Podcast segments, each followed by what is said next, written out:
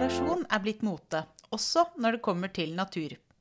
Astrid Brekke Skrindo er forsker ved Norsk institutt for naturforskning og er ekspert på naturrestaurering, og vet hva vi kan gjøre for å fikse det vi har ødelagt. Velkommen, Astrid.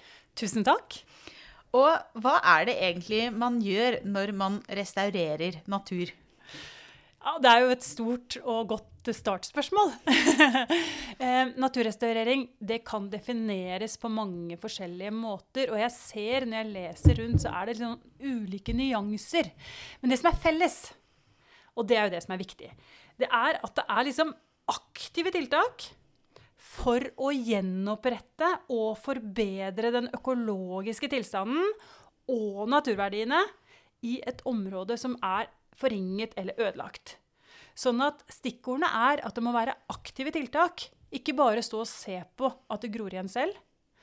Eh, og at det er tiltak som gjør at du forbedrer liksom, de økologiske prosessene.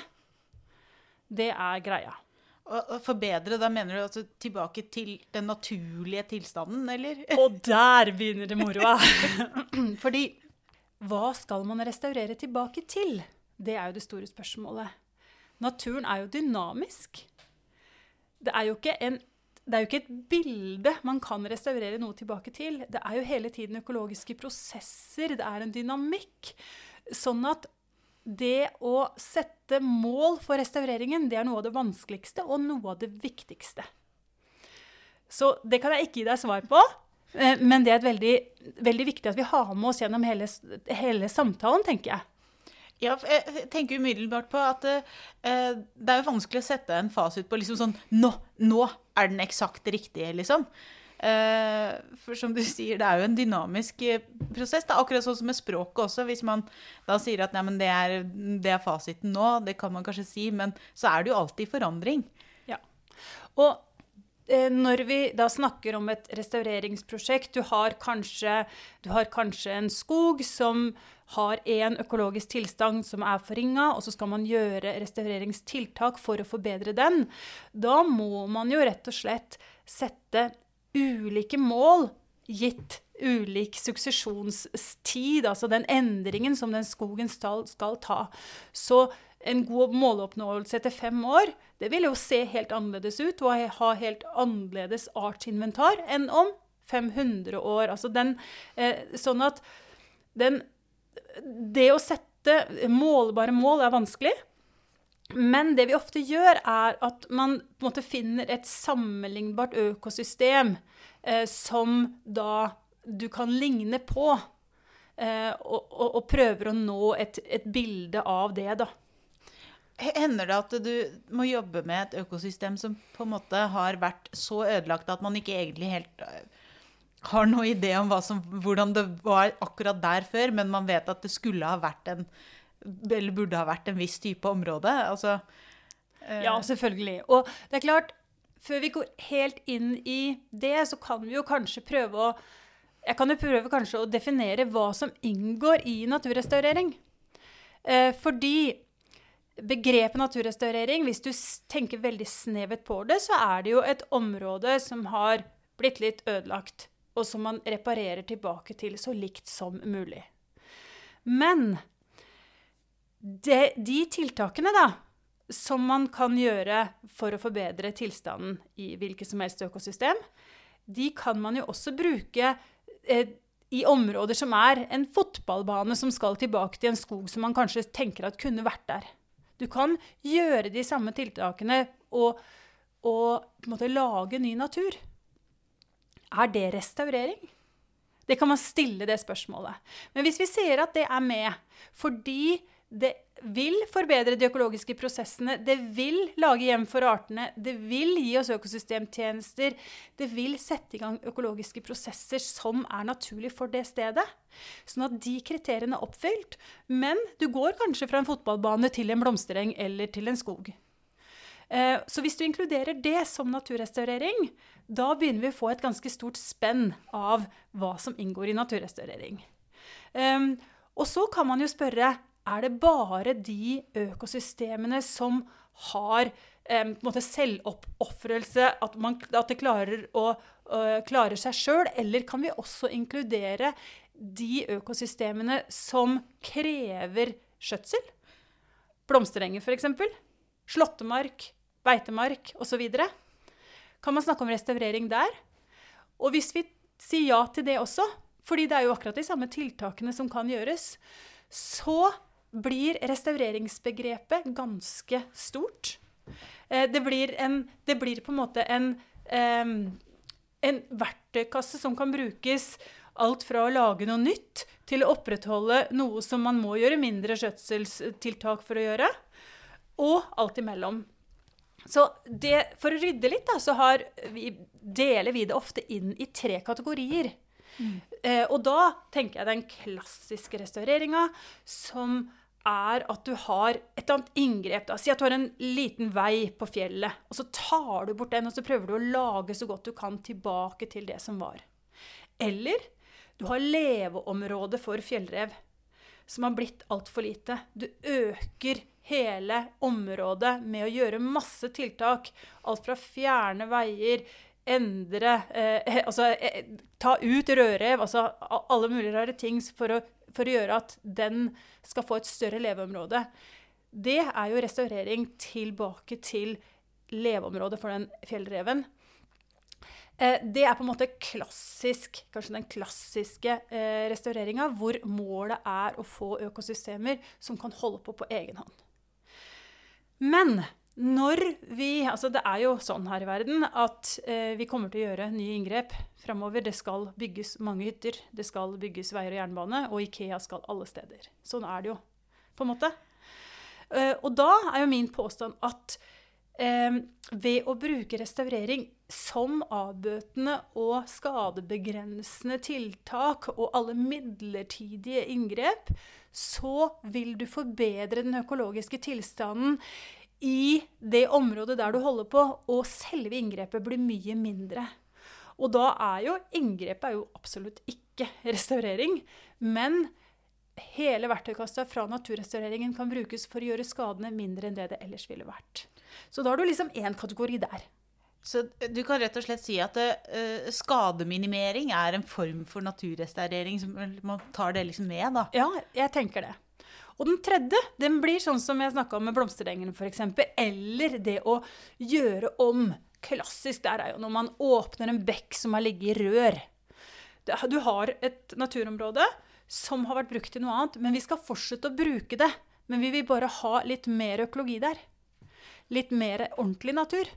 Og da kan jo det være å jordbrukslandskap, at det går fra en potetåker til en blomstereng, eller åpne bekker som har ligget rør i byer osv.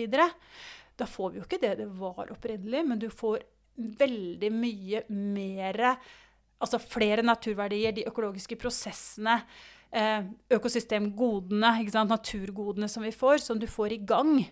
Eh, hvis du gjør det på en restaureringsøkologisk måte, i stedet for at du bare lager en park, f.eks. Mm. Eh, så, så, her har vi liksom Jeg tenker at vi har liksom tre kategorier hvor dette med å gjøre aktive tiltak for å forbedre den økologiske tilstanden er sentralt. Og da tenker jeg at alt kan kalles naturrestaurering. Eh, men vi må på en måte være nøye med at vi ikke går så langt at det å plante trær på en eh, hogstflate At det er ikke naturrestaurering. Det er jo en treplantasje. Ikke sant? Ja, for det hadde jeg egentlig tenkt å spørre deg om. Eh, om, om, det, om, det, teller. At når man uh, da har hogget ned skog, eller, uh, eller um, plukka alle bærene på et jorde, eller et eller annet sånt noe altså at, at det å da plante nye trær, det er da ikke med. selv om det er et aktivt tiltak. Nei, jeg tenker at her har vi et grenseland som er litt sånn viktig. Fordi um, alt som har med uh, produksjon av matvarer eller trær, det er jo tiltak for å på en måte gi oss én naturgode. Om det er fiber eller om det er mat. Men det tar ikke hensyn til alle de andre naturgodene i det økosystemet som det kunne vært. Så hvis vi tar skog, f.eks., så hvis man da har en hogstflate og man planter nye trær, så er det for å lage tømmer. du har ikke fokuset da på skogøkosystemet, som er alle organismene som lever der, som er dynamikken fra død ved til alt som skjer nede i jorda, til fuglene og dyrene som lever der. Altså, du, det er jo ikke det du har fokus på. Du har jo fokuset bare på fiberproduksjon. Uh, og da handler det ikke om restaurering. Og på samme måte så tenker jeg at eh, du kanskje i større grad kan tenke på det som en sånn av de naturbaserte løsningene i byer hvor man lager grønne tak med sedum f.eks. Det er selvfølgelig kjempefint for å stoppe regnvannet, eh, men det har jo ikke noe med økosystem å gjøre. Det er enkelt naturgoder som vi menneskene får ved at det da stopper flomvannet. Eh, men det er ikke et økosystem som vi prøver å få i gang eller restaurere. Så der er det noen grenseoppganger. Ja, for der er det jo også eh, noen ting som jeg Nå har jeg lyst til å følge opp med tusen, tusen ting. Men i byer så har det jo blitt veldig populært med å løfte bekker ut av eh, ut av rør og, og få sånne eh, elveleier. Og blant annet så er det jo eh, Hovindbekken på Ensjø. Det er jo blitt eh, kjempeflott, men det er jo veldig planta, da. Eh, og jeg tenker at der det slår meg at det er, må være en hårfin grensegang der mellom at det kanskje er litt mye park kontra det buskaset som jeg kjenner hjemme fra Telemark, som vokser rundt elver, med liksom all mulige blomster og uh, insekter og arter. Altså det, er, det, er, jo liksom et kaos. Det er ikke, det er ikke noe, noe, av en sånn liten bekk som jeg kjenner fra barndommen, som ligner på de parkene som vi har, når vi ser på de bekkene. Og hva Burde vi egentlig bare la det liksom gro til litt mer sånn holdt jeg på å si, kaotisk naturlig? Eller, eller, kan man si at det er restaurert natur, selv om det er liksom sånn veldig planta og pent og pyntelig? Ja, hele tiden så dreier jo alt seg om gradienter og gradvise overganger, eh, og ikke svart-hvitt ja og nei. Eh, men Hovindbekken er jo et veldig godt eksempel på at deler av den har jo fått et veldig naturpreg, hvor kantsonen ser ganske naturlig ut. Jeg er selv oppvokst langt oppe, i litt sånn overfor der før den heter Hovindbekken. Eh, mens andre er, akkurat sånn som du sier, helt ekstrem park. Og det er ingenting med, jeg tenker at det har ingenting med naturrestaurering å gjøre. i Det hele tatt. Det er veldig sånn parkifisert. Uh, og, men så har de vært flinke sånn at fisken skal kunne gå opp. og sånn Selve nede i bekken så har de gjort tiltak for enkeltarter. Ikke sant? Men de har ikke prøvd å få i gang økosystemet, fordi da krever det mer. Uh, men det er gjort gode tiltak for enkeltarter. Eh, men det er jo ganske mange andre av de elveåpningene og, Eller elveforbedringer og, og åpninger og, og bekk, bekkeåpninger rundt store byer. Eh, I Trondheim har man jo Ilabekken. Um, som flere av mine kollegaer har vært involvert i, som har jo gått helt fra sånn industriområde til skikkelig sånn villmarkspreget. Bortsett fra at det er jo tilrettelagt for folk å gå, men der har man jobba veldig med økosystemet. Og deler av Alnaelva er jo også gjort veldig nøye. Den første biten var Hølaløkka opp på Grorud.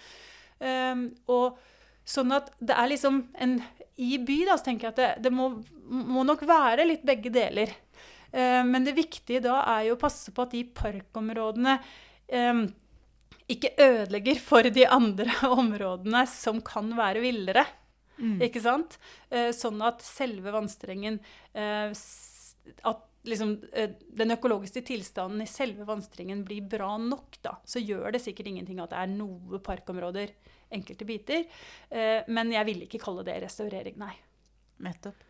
Ja, for det er litt interessant å vite Selv om det er gradienter og ikke svart-hvitt, så er det litt sånn Det er jo vanskelig å vite hva man skal tenke på eller ta med. Mm. Uh, så det var en veldig ålreit uh, definisjon. Men er det, er det sånn at kan all natur restaureres? eller, eller fins det grenser der òg? Jeg tenker at det fins uh, utrolig mange grenser. Um, men da må vi tenke litt tilbake til der vi startet. Fordi det kommer jo an på hva som er målet. Og, og noe av det jeg tenker at det er det aller viktigste, det er jo at i ethvert prosjekt uh, så er det Eller så må man definere hva som er potensialet. Og så er det også veldig viktig å vite at naturrestaurering som fag det er et tverrfaglig fagområde. For det er ikke bare økologien som skal rå. Du skal inkludere eh, samfunnets rammebetingelser som lover og regler og eh, økonomien. Altså du skal på en måte ta inn hele samfunnsbiten, og du skal ta inn de praktiske mulighetene som er. Eh, og da er det litt sånn at du må definere hva som er mulig. Og nesten alle naturtyper kan jo forbedres litt. Ikke sant? Nettopp.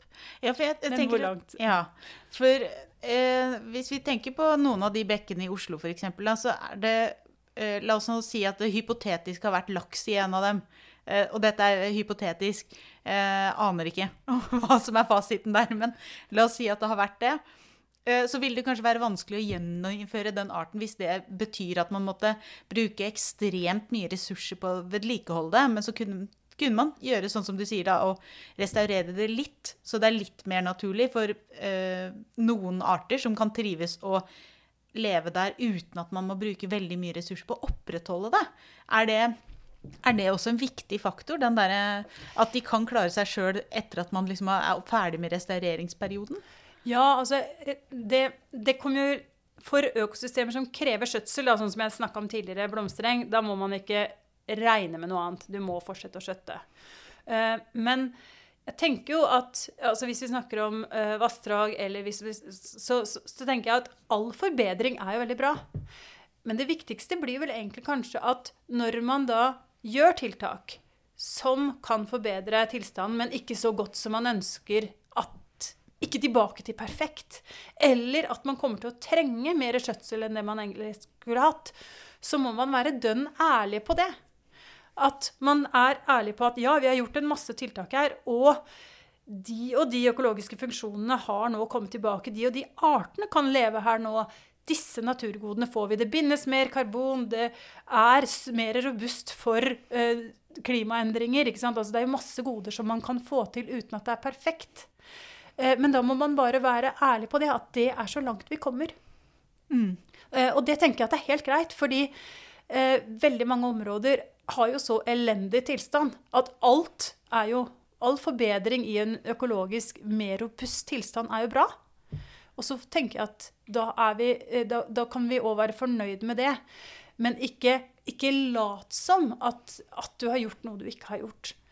Og det er faktisk noe av det som jeg syns er litt sånn vanskeligst med eh, naturrestaureringsprosjekter. fordi i Norge så har vi gjort masse forskjellig.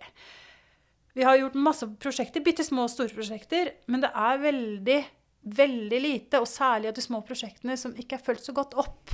Så at man kan liksom ikke egentlig evaluere de skikkelig for å si hvordan kom vi? Og det er jo veldig synd, fordi da kunne man jo tatt den diskusjonen mye bedre. Er vi fornøyd nå? Ikke sant? Ja, når skal vi være fornøyd? Det spiller jo litt tilbake på det vi eh, begynte med, nesten. Eh, at eh, man må sette et slags sånn eh, tak for hva, hva er det mulig å gjøre. Og det er et av de tingene jeg også hadde tenkt å spørre om. Altså hvor ekte klarer vi å restaurere? Er det, klarer vi noen gang å komme tilbake og, til noe og si nå er det perfekt sånn som det var? Altså nå kan du ikke se spor av, av at det har vært restaurert, da.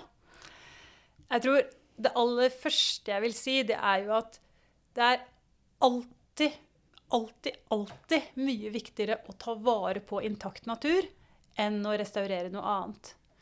Um, og, og det, det er så grunnleggende, og det er jo fordi at naturen er så kompleks um, at vi klarer aldri å lage det samme.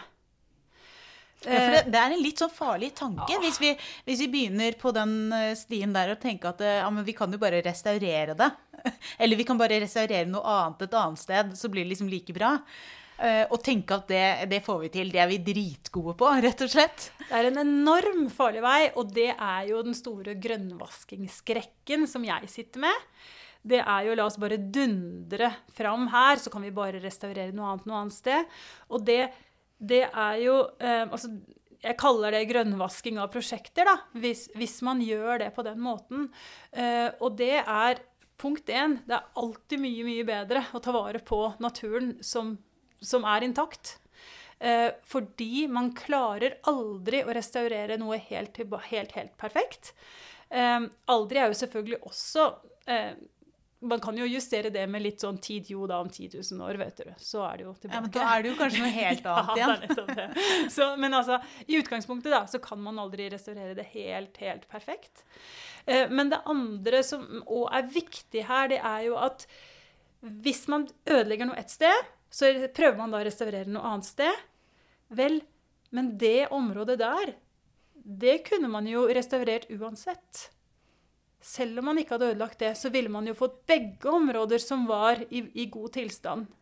Så du, sånn at ved å kompensere et annet sted for noe, så, så spiser man jo opp en del areal som kunne få bedre økologisk tilstand. Så her er det jo en, en avveiing som er kjempeviktig å ta. Og så er det litt vanskelig, eh, dette her, fordi politikerne har jo satt seg et veldig sånn konkret mål på hvor mye natur som skal restaureres i løpet av er det de neste ti åra eller noe sånt nå. Eh, mindre enn det nå. Eh, dette målet ble vel satt i 2021. Ja. Um, og i løpet av uh, dette tiåret for naturrestaurering da, så skal de uh, restaurere 15% av ødelagt natur. Et, et litt sånn Kanskje litt slemt spørsmål, men altså Teller det da hvis de ødelegger noe i løpet av denne perioden? Eller tenker de 15% i forhold til da de ga løftet? det er et veldig, veldig godt spørsmål. Um, og, og, sannheten er jo at det aldri har vært lagd en bunnlinje. Sånn at det er jo ingen som vet hva de 15% skal restaureres av. Fordi at før de satte målet, så, bestemte, så var det heller ikke noe opptelling om hva det er som er forringa natur.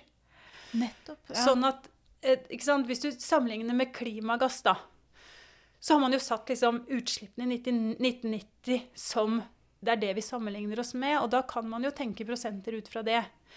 Men på ødelagt natur så har man ingen måle... Man har ikke noe målested. Og man har heller ikke prøvd å lage den grunnlinja som man skal, som man skal eh, regne 15 fra. Og da da blir det på en måte ja, 15 fra i fjor eller år, eller Ja, det var jo egentlig det, det ble jo skrevet for noen år siden, det målet. Eh, 15% av hva da, er jo det store spørsmålet. Og det fins det ikke noe svar på. Så det er jo Det er liksom veldig vanskelig. Samtidig så er det veldig fint at eh, ja, at Stortinget vedtar at det skal restaureres og forbedres tilstand. Fordi det setter i gang en masse aktivitet og metodeutvikling osv. Men hvordan det skal måles, det må du spørre noen andre om enn meg. ja, for jeg tenker at Som politiker, da, hvis du da, la oss si at du skal bygge en vei, eller har, det er litt strøm, dyr strøm for tiden, og eh, du kunne tenke deg å ta et verna vassdrag og lage mer strøm, f.eks. Det er jo veldig en uh, aktuell problemstilling. Yes. Så, så, tenker jeg at uh, hvis de da kommer og sier at yes, ja, men da kan vi jo bare restaurere natur et annet sted, og så får vi liksom to i en smekk, for da får vi tatt noen prosenter på det. ja. Jeg tenker at det, akkurat det kan ikke være mulig. Jeg tenker jo at først må vi snakke om nøytralitet, og så må den 15 komme på i tillegg til det. Og det vil jo si at i den 15 der inngår ikke alle disse skadereduserende tiltakene som jeg snakket om i den andre kategorien som man kan tenke seg om. Jeg tenker at eh, det dreier seg om å komme så nært arealnøytralt eller naturnøytralt som mulig for de enkelte prosjektene. Eh, og hvis det går i disfavør av naturen, som det nesten alltid gjør, vel, da blir det enda lengre å nå de, enda vanskeligere å nå de 15 eh, Men dette er jo da ikke eh, det er ikke konkretisert nok verken av forvaltningen eller av politikerne om, om hvordan dette skal telles og måles. Um, så, så, det blir jo på en måte min faglige vurdering er jo at man kan ikke, man kan ikke altså Hvis det blir mer ødelagt natur, som det jo blir hver gang vi bygger noe nytt i naturområder, så vil det bli enda vanskeligere å nå dette 15 %-målet. Og det er jo òg derfor som jeg mener at eh, særlig når man da får krav om å kompensere fysisk et annet sted, så tar man jo på en måte bort litt av den muligheten som hadde vært for å nå 15 For da bruker mm. man jo opp noen av de arealene. For det kan ikke telles begge steder. Nei. Jeg er jo veldig enig med deg, men, eh, men eh, jeg er litt spent på hvordan politikerne tolker det tallet, i og med at det, som du sier, at de har ikke satt noen bunnlinje, og det var jeg ikke klar over. Men det syns jeg kanskje er litt sånn litt skremmende med tanke på at man har gjort det på CO2, og det er vanskelig nok da, mm. å, å nå. Det er, det, er veldig, det er veldig skremmende. Eh, og som sagt, så noe av det som jo har vært veldig bra med at det har blitt løfta, fordi at både FNs klimapanel og FNs naturpanel er jo veldig enige nå om at eh, naturkrisa og klimakrisa må løses samtidig. Du ser hele EU-taksonomien, du ser hele eh, Altså hele EU er jo veldig, veldig opptatt av at nå må man også restaurere. Og det er jo derfor FNs tider for naturrestaurering har kommet. At FNs klimapanel har sagt at det holder ikke nå å ta vare på det vi har igjen. Nå må vi restaurere, og vi må oppskalere. Og da er jo det med tanke om at det vi har ødelagt nå, det må restaureres. Det er jo ikke med tanke på at vi kan ødelegge enda mer samtidig. Sånn at den grunnleggende holdningen nå, det er at vi må på en måte restaurere. Og det er da jeg sier at da må vi ikke gjøre mer skade først. Og så må vi restaurere i tillegg. Eh, og vi tenker jo i Norge at vi har så mye natur i Norge. Eh, men det er dårlig økologisk tilstand veldig her også. Eh, og det er enormt fragmentert. Eh, og det er eh, Og det er på en måte Altså, de skremselsbildene som er i, i verden, det, gjelder her òg. og og det gjør jo at Samtidig så er det jo bedre økologisk tilstand i mange av økosystemene i Norge enn andre steder. Eh, men vi må snu nå, og vi har muligheten til å snu nå. Derfor er det så viktig at vi kommer i gang med storskalt restaurering. Og liksom på en måte få løfta det inn i verktøykassa, da, tenker jeg. Det, og, det er, eh, og, det er, det muligheter for. Eh, så, så jeg ser liksom for meg at Um, når ikke vi har en bunnlinje, så er det i hvert fall veldig viktig å bruke dette initiativet som, som på en måte kommer nå. Uh, og som har kommet, og tydelig at politikerne har fått opp øynene for det, til at vi kan finne ut av hvordan man skal måle.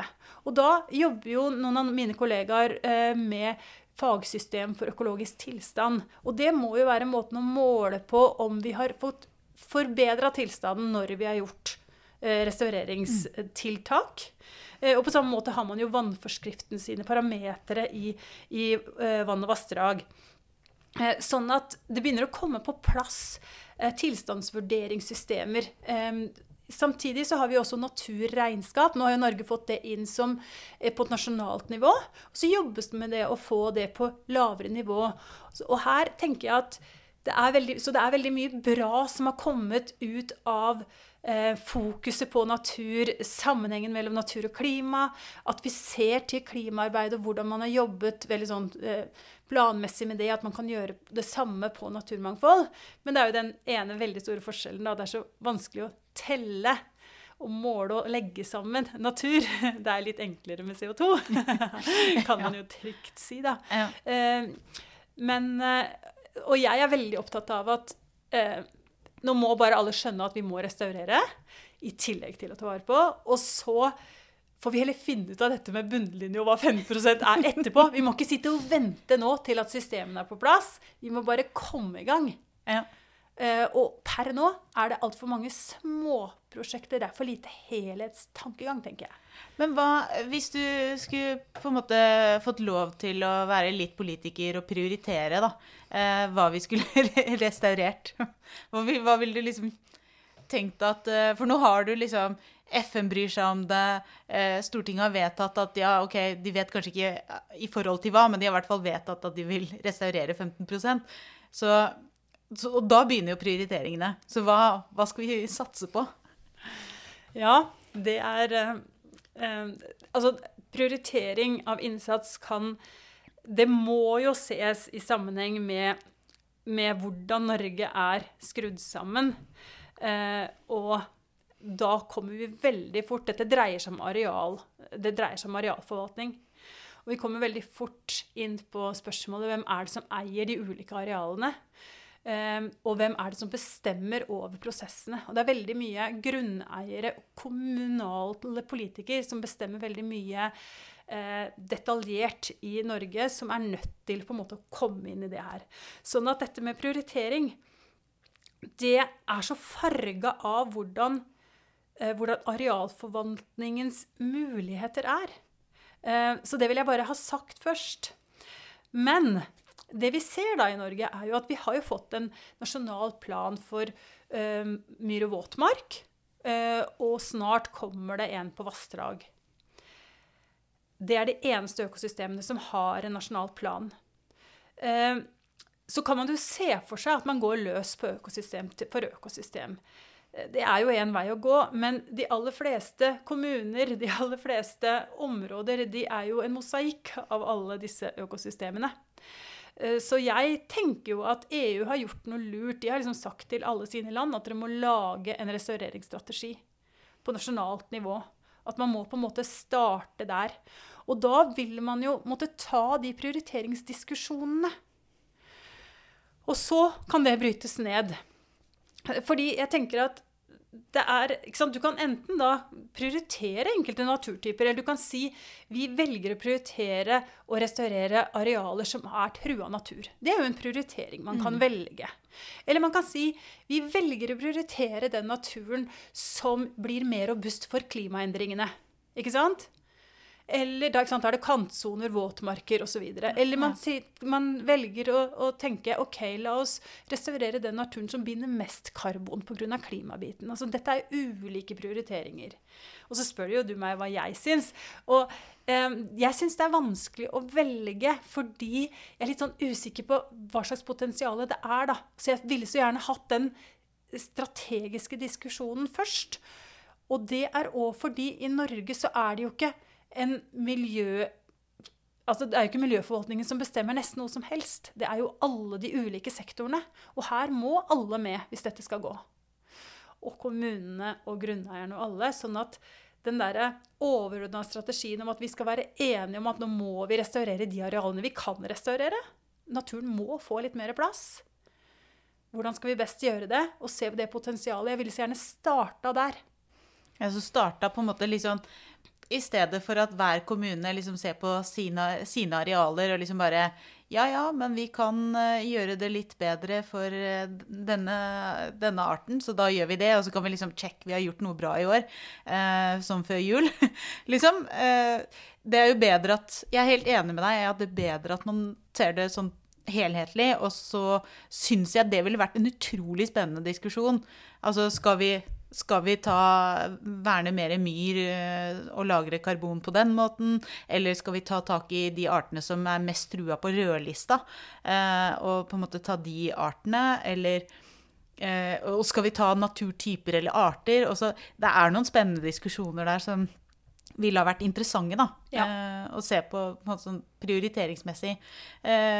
og om vi ser på arter og natur, eller om vi ser på hvilken nytte har vi Altså, for det er også to ulike perspektiver. Eh, om vi ser på karbonlagring og tenker at det skal være altså, Eller naturgoder som sådan, da. Mm. Eh, er det det som liksom skal være styrende for hvilken type natur vi velger å restaurere? Liksom, hva, vi, hva vi selv trenger. Ikke sant?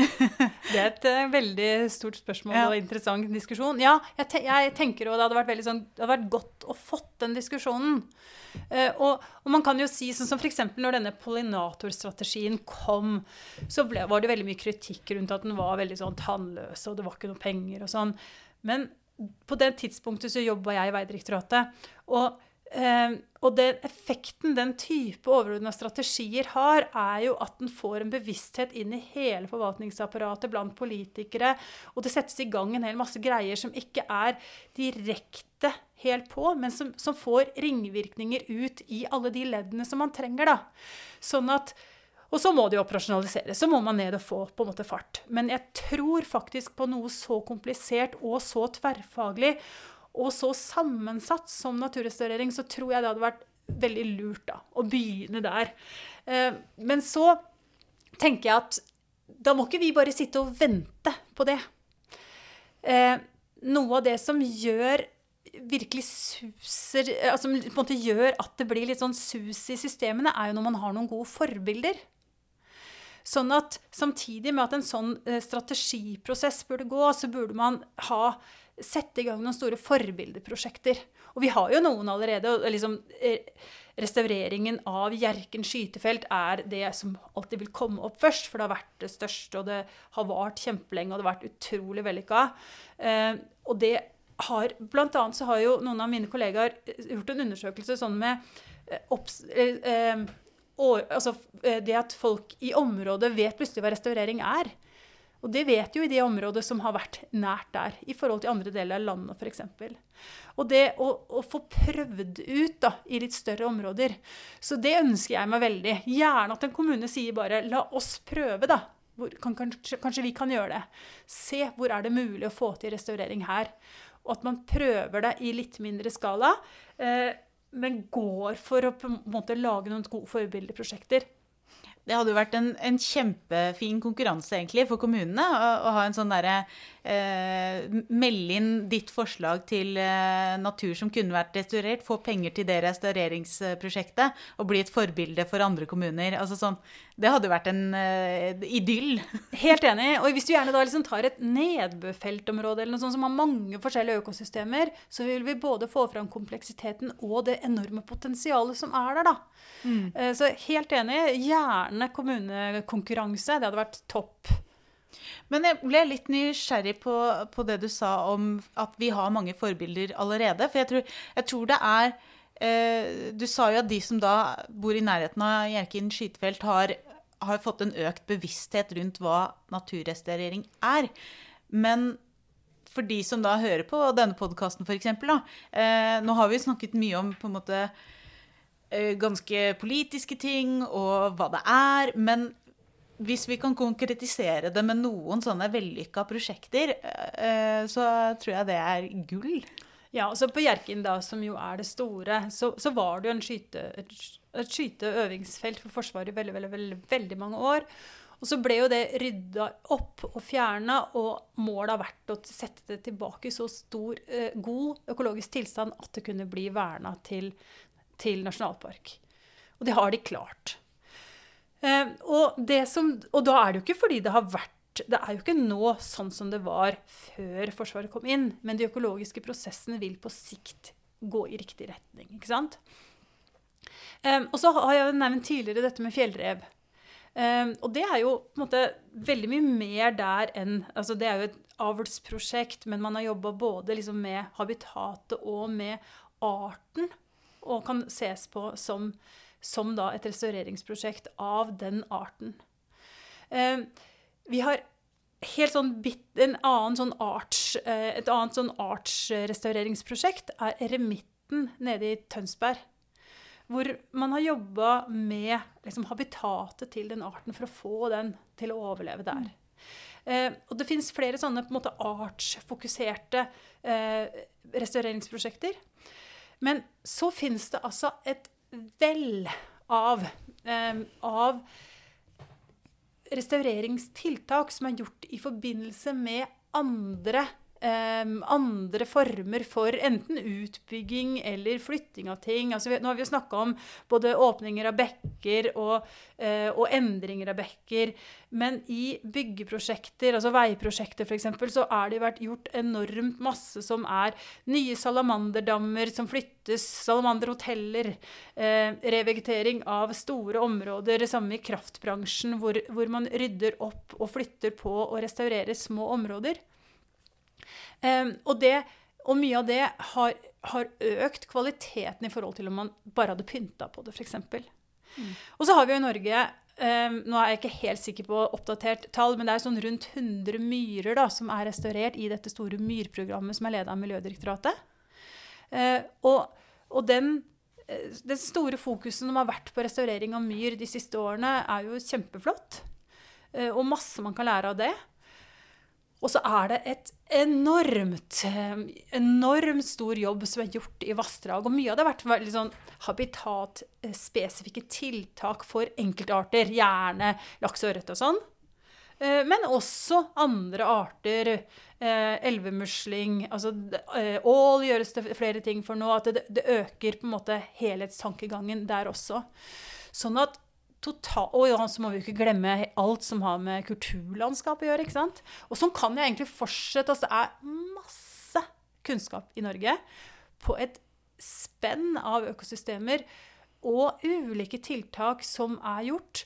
Og, eh, og, og det er likevel, da, så er det eh, et enormt potensial som er uforløst. Ja, fordi nå kjente jeg at jeg ble sånn skikkelig positiv. Ja.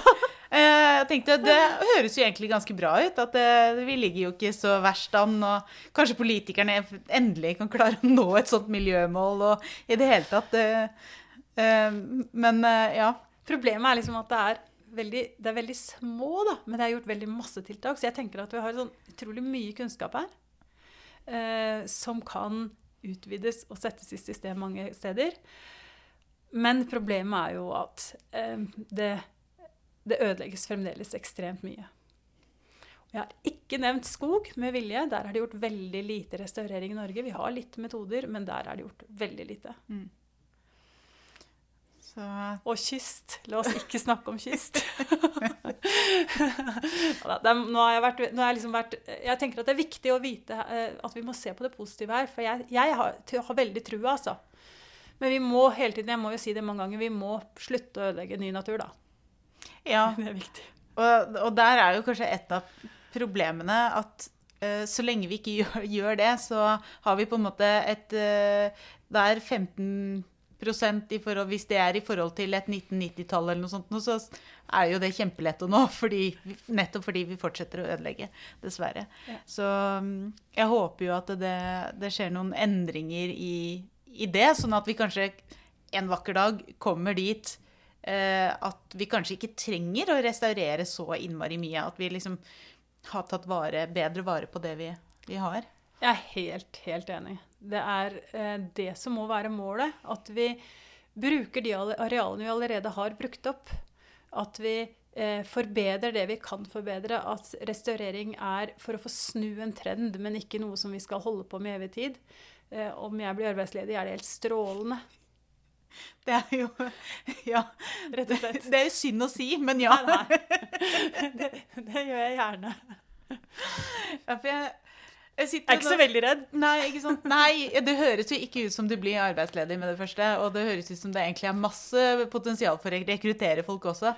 Eh, men det slår meg nå at alle disse prosjektene også må eh, Altså, det koster jo penger, så det er jo litt det at, at politikerne må, må, jo faktisk prioritere det, da. Over noe annet. Uh, og det er kanskje der skoen på mange måter trykker. Dessverre. Ja, altså eh, du, Hvis vi skal snakke om økonomi, da, så har jo eh, FNs klima, nei, naturpanel de har jo regna ut at det å restaurere et ødelagt område, det gir ti ganger tilbake økonomisk av naturgoder. Og Liksom. Sånn at det å faktisk restaurere et område, så, så får samfunnet igjen ti ganger så mye som det du investerte. Nettopp. Men det er jo veldig sånn sjablongmessig penger. ikke sant? Det er veldig vanskelig å budsjettere det i kommuneøkonomien. Ja, men, men, jeg tenker at det er litt viktig å likevel få sagt det. Fordi eh, la oss si at du havner i en miljødiskusjon med noen som eh, kanskje tenker at ja, men kan vi ikke bare bygge den veien, eller jeg vil gjerne ha hytte på fjellet, eller, eh, eller eh, noen som kanskje også tenker at ja, men jeg har da sett at det blomstrer i asfalten hvis du liksom lar det bli en sprekk der. Naturen vil tilbake igjen. Så hvorfor skal vi bruke penger på å restaurere den? Og da tenker jeg at det er jo viktig å vite nettopp hva er det vi får igjen for å gjøre den investeringen da. Ja. Og det er jo det, så, så, det tenker jeg det er liksom utgangspunktet her, er at det er forska så mye på at man ser at man får igjen da i ti ganger så mye. Så det tenker jeg er en veldig viktig ting. Og så er utgifter til eh, restaurering kommer jo bare an på hva slags tiltak man skal gjøre. Hvis du uansett har en gravemaskin og bygger en vei, så kan du lett bruke den samme gravemaskinen til å plugge igjen de myrene som er rett i nærheten, uten at det koster nesten noe som helst. Ikke sant?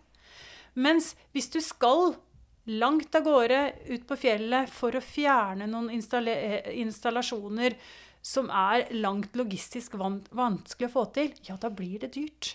Ikke sant? Så det er så vanskelig på en måte å sette noen prislapper her. For det handler jo stort sett om, um, om um, logistikken og hvor lenge du skal holde på. F.eks. en del av de artsprosjektene, Fjellrev f.eks., det holder på år ut og år inn for at det skal være mulig. Det er klart, da blir det dyrt.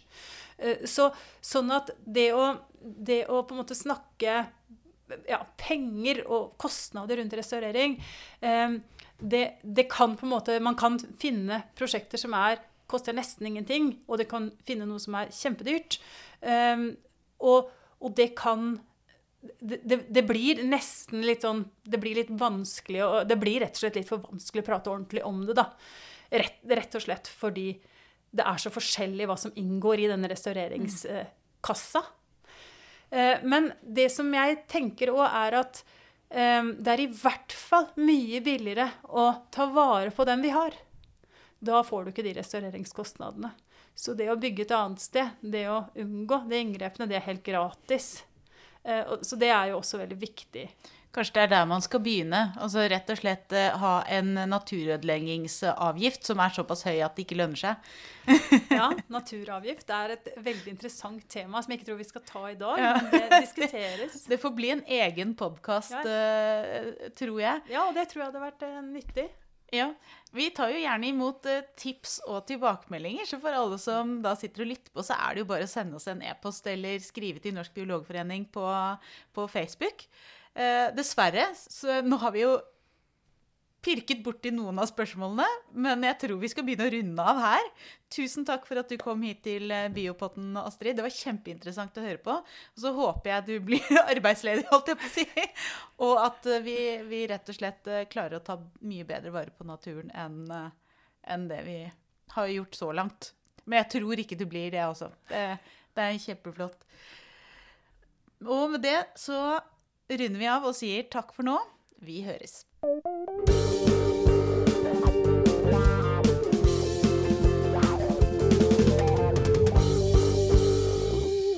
nå hørt Biopodden intervju med Elina Melteig. Og med på laget har jeg også Torborg Galtland, daglig leder i Norsk biologforening. Musikken du hørte, er laget av biologibandet Overgump og består av Even Sletteng Garvang, Markus Fjelle, Erik Møller, Mathias Kirkeby og Audun Rugstad. Fortell gjerne om podkasten til venner og kjente, og gi oss tips og tilbakemeldinger på e-posten biopodden at bio.no. Og hvis du vil støtte oss, er du hjertelig velkommen som medlem av Norsk biologforening. Vi høres!